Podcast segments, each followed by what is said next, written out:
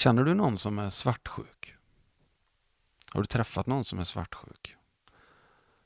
Är du svartsjuk? Är du lite svartsjuk? Eller är du kanske jättesvartsjuk? Hmm. Vi är nog väldigt olika där vi människor. Och vi är väldigt olika på att hantera, hantera någon som är svartsjuk och hantera min egen svartsjuka. Personligen så är jag inte svartsjuk. Jag vet inte riktigt varför. Jag, det är någonting i mig som säger att jag skiter i det. Vad kan jag göra åt det? Ja, men eh, du bryr dig inte alls? Jo, jag, jag tror att alla människor är svartsjuka.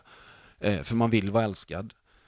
Det är självklart jag vill att den jag älskar ska ta emot min kärlek och uppskatta den och må bra av den. För det jag ger är kanske det finaste jag tycker jag har. Jag vill ju att det ska vara värt något för den andra och är den inte det så kanske inte vi ska ge varandra den kärleken. Då kanske någon annan ska ha den kärleken. Men det är självklart alla människor är svartsjuka. Men när svartsjukan blir sådär svartsjuk, då blir det jobbigt. Jag får många frågor om människor som säger, hur ska vi göra? Min partner är så svartsjuk. Och han pressar mig och frågar mig på grejer och folk blir instängda. Jag har sett så många människor som ändrar sitt beteende, slutar med sina intressen, tjejer som slutar sminka sig, som slutar att gå på kompisträffar och killar som plötsligt inte dyker upp och, och plötsligen så begränsar vi varandra. Vi äter upp varandras utrymmen och vi tar varandras energi. Och jag tror ingen vill det. Jag tror inte den som är svartsjuk vill det. Men svartsjukan är en så stor kraft och har man inte verktygen så är det svårt att tygla eller styra den kraften. Men vad ska vi göra då? Jag brukar säga till människor som, som, som lever i sådana här situationer att alltså om din partner kommer till dig och, och, nu måste vi prata och vad var du där varför gjorde du så Aha, vad hemskt så mycket du gillar den på Facebook och ding ding ding, det kan vara tusen saker. Då kan du alltid säga till din partner att jag kan inte försvara eller förklara något som inte har hänt. Jo, men jag ser ju att du upplever det så. Jag upplever det inte så. Jag är helt ointresserad av att prata om detta. För jag kan inte förklara eller försvara något som inte har hänt.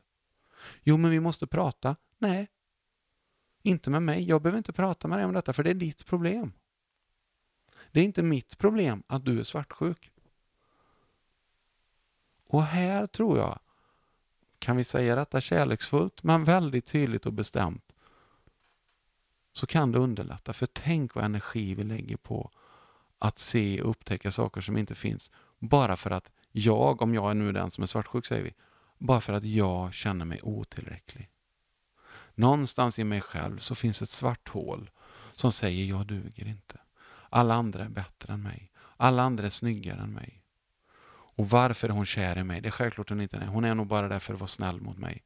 Här sitter jag med mina för korta ben och eh, lönnsnygg med min kul mage och, och potatisnäsa och sneda framtänder. Det är självklart hon inte är kär i mig. Och tänk vad många killar som tycker hon är snygg på Facebook. Om jag sitter och grottar i det, då är det självklart att då får ju svartsjukan fäste. Men om man istället säger att ja, jag vill att hon älskar mig, men vad kan jag göra åt det? Nej, ingenting. Jag ska nog fokusera på att älska istället. Jag ska fokusera på att älska. Jag ska inte jämföra mig med andra. Jag ska älska på mitt sätt. Och hoppas att hon tar emot det. För jag kan inte äga någon, jag kan inte styra någon. Jag kan inte tvinga någon att ta emot min kärlek.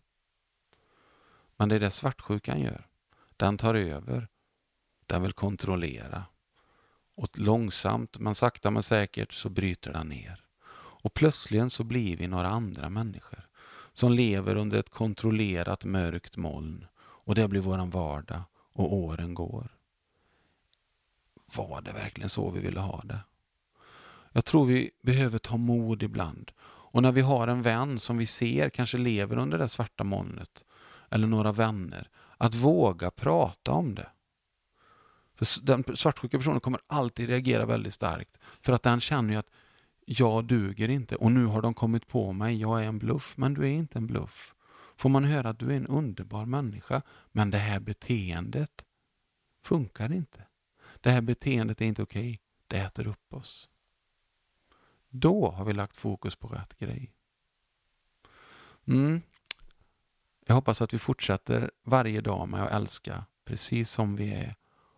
Och så ser vi vad som kommer tillbaka. Men vi börjar med att ge, sen tar vi emot. Jag önskar dig lycka till med allt. Ha det bra så hörs vi igen.